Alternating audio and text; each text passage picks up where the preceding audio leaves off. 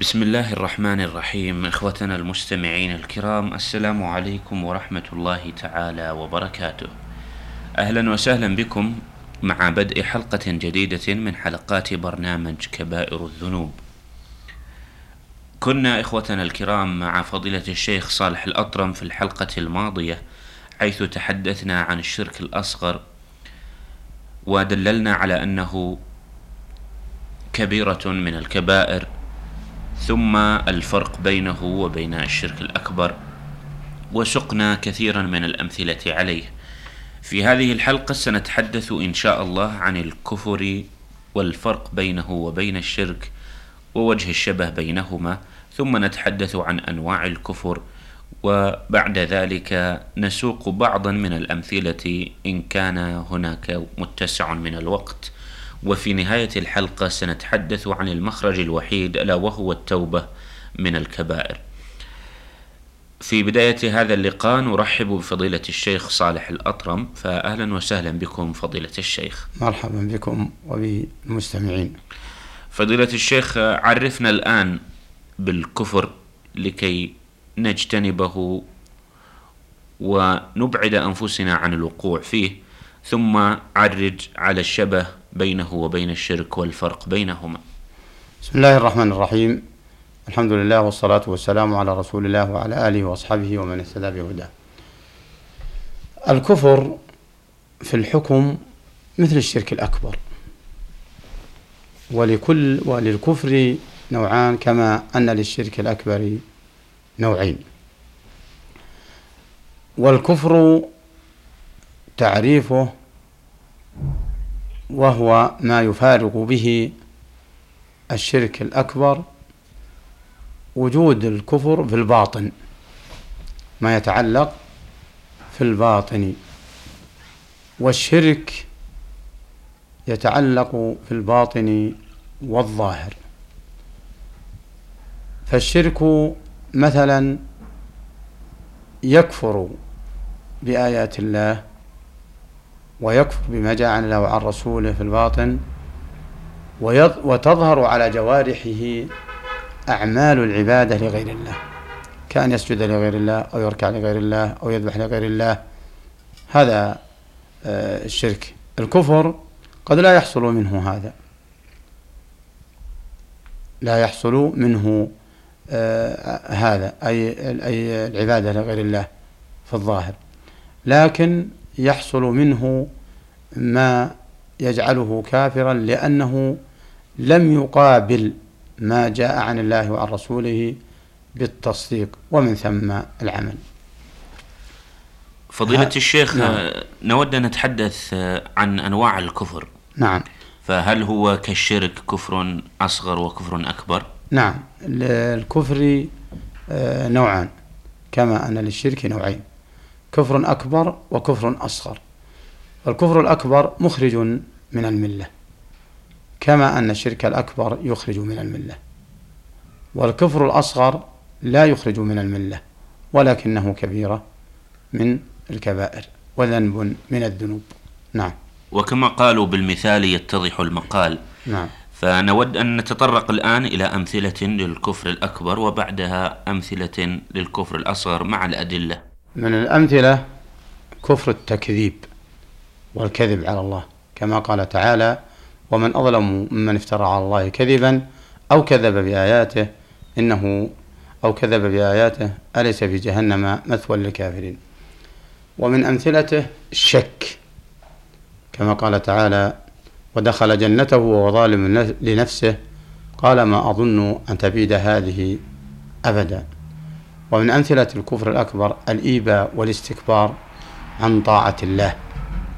قال تعالى إلا إبليس أبى واستكبر وكان من الكافرين. ومن أمثلة الكفر الأكبر الإعراض. الإعراض عما جاء في القرآن. كما قال تعالى والذين كفروا عما أنذروا معرضون. ومن أمثلة الكفر الأكبر كفر النفاق. وهو أن يبطن الكفر ويظهر الإسلام.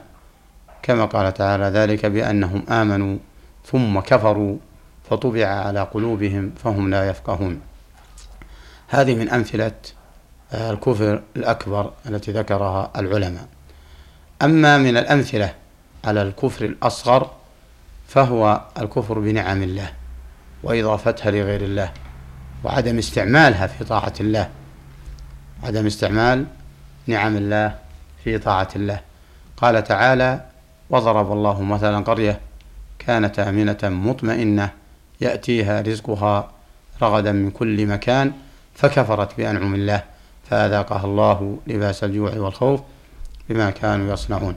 وقال تعالى يعرفون نعمة الله ثم ينكرونها وأكثرهم الكافرون. وليس الكفر الأصغر مخرجا من الملة هذا هو الفرق بينه وبين الكفر الأكبر. فالكفر الأكبر كما جاء في الأمثلة الخمسة مخرج من الملة ومن مات عليه فهو مخلد في النار كالمشرك وكالشرك الأكبر. أما آه، كفر النعمة فهذا لا يخرج من الملة وهو خطر على صاحبه وكبيرة من الكبائر. فضيلة الشيخ بعد أن توسعنا في الحلقات الماضية وفي هذه الحلقة عن تعريف الشرك وقسمنا الشرك إلى أقسامه ومن ثم إلى أنواع الشرك الأكبر والأصغر. وأيضا تحدثنا عن الكفر وعن الفرق بينه وبين الشرك وعن أقسام الكفر ومثلنا لذلك. لعل الأخ المستمع الكريم يتساءل الآن ترى ما هو المخرج من كل هذه الكبائر؟ وقانا الله وإياكم. نود أن يطرح فضيلة الشيخ صالح على الإخوة المستمعين السبيل الوحيد للخروج بأنفسهم من هذه الكبائر. نسأل الله السلامة والعفو والعافية لنا ولإخواننا المسلمين. آه، إن الله سبحانه وتعالى فتح باب التوبة. فالمخرج من وقع في كبيرة الشرك أو الكفر الكبرى هو التوبة التوبة النصوح. أما الكفر الأصغر والشرك الأصغر فكذلك لا بد من التوبة. ولكن يتحرز المسلم دائما عنها باللجوء إلى الله ودعائه أن الله أن الله سبحانه وتعالى يفتح عليه معرفة آه، الشرك بنوعيه والكفر بنوعيه ليجتنبها. ويستعمل هذا الحديث الذي أثر عن الصحابة وقد علمه من الرسول عليه الصلاة والسلام. اللهم إني أعوذ بك أن أشرك بك شيئا وأنا أعلم وأستغفرك من الذنب الذي لا أعلم. وبالدعاء الآخر اللهم إني أعوذ بك من الشرك والشك والنفاق وسوء الأخلاق وسوء المنقلب بالمال والأهل والولد. فعلى المسلم أن يلجأ لربه وأن وأن يطلب منه التوفيق. وأن يطلب منه الثبات. ففي الحديث الشريف اللهم يا مصرف القلوب صرف قلبي على الهدى فلا يغفل الإنسان عن ربه. فلجوءه إلى الله والتوجه إليه يفتح عليه أبواب المعرفة فيترك ما نهي عنه ويفعل ما أمر به. أما الشرك الأكبر والكفر الأكبر فلا بد من التوبة. لا يمكن أن يسلم من غوائلها ومن جرائها ومن عواقبها في الدنيا والآخرة إلا بالتوبة النصوح. آه هذا الشرك الأكبر. وإن مات قبل التوبة بالنسبة للشرك الأكبر والأصغر آه فهو مخلد في النار. لقوله تعالى إن الله لا يغفر أن يشرك به ويغفر ما دون ذلك لمن يشاء.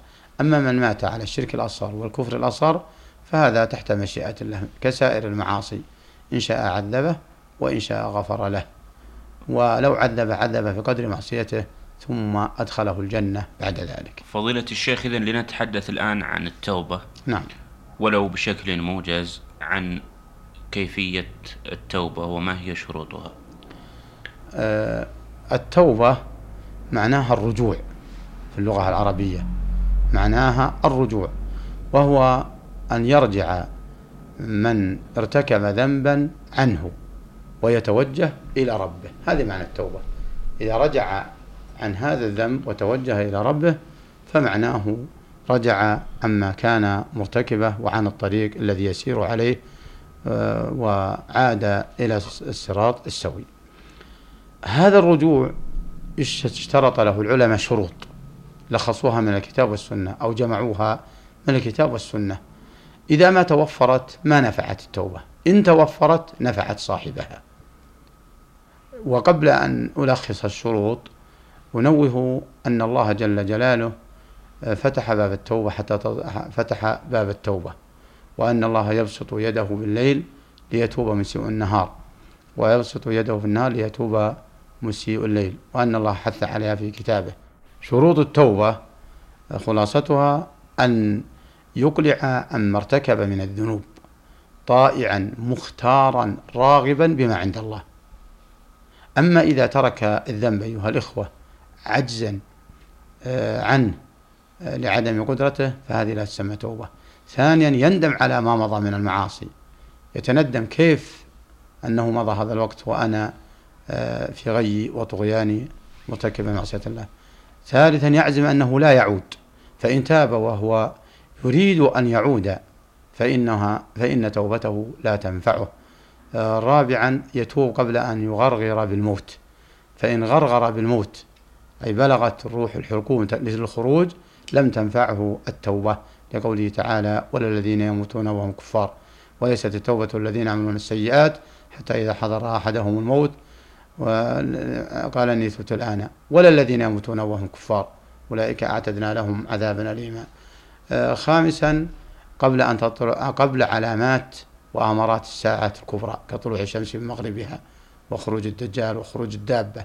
فإذا طلعت هذه العلامات فلم تنفعه التوبة. هل ينظرون إلا أن تأتيهم الملائكة أو يأتي ربك أو يأتي بعض آيات ربك؟ يوم يأتي بعض آيات ربك لا ينفع نفسا إيمانها. لم تكن آمنت من قبل أو كسبت في إيمانها خيرا.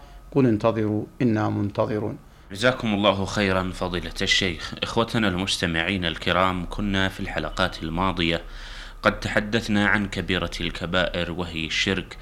وتناولناها بالشرح والتفصيل فعرفنا الشرك ثم تطرقنا إلى نوعيه الأكبر والأصغر وتحدثنا أيضا عن أقسام الشرك الأكبر ثم تحدثنا عن الكفر وعلاقته بالشرك وبعد ذلك ختمنا اللقاء بحديث عن التوبة وعن شروطها.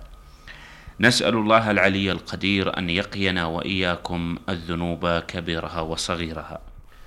نشكر فضيلة الشيخ صالح الأطرم على ما أتحفنا به من حديث فجزاك الله خيرا فضيلة الشيخ. شكر الله مساء الجميع ونسأله التوفيق للعلم النافع والرزق الواسع والعمل المتقبل. إن شاء الله. إخوتنا المستمعين الكرام أملنا أن نلتقي بكم في حلقة أخرى من حلقات هذا البرنامج لنتحدث عن كبيرة أخرى من كبائر الذنوب وقانا الله وإياكم. إلى ذلك الحين نستودعكم الله وإلى اللقاء والسلام عليكم ورحمة الله تعالى وبركاته.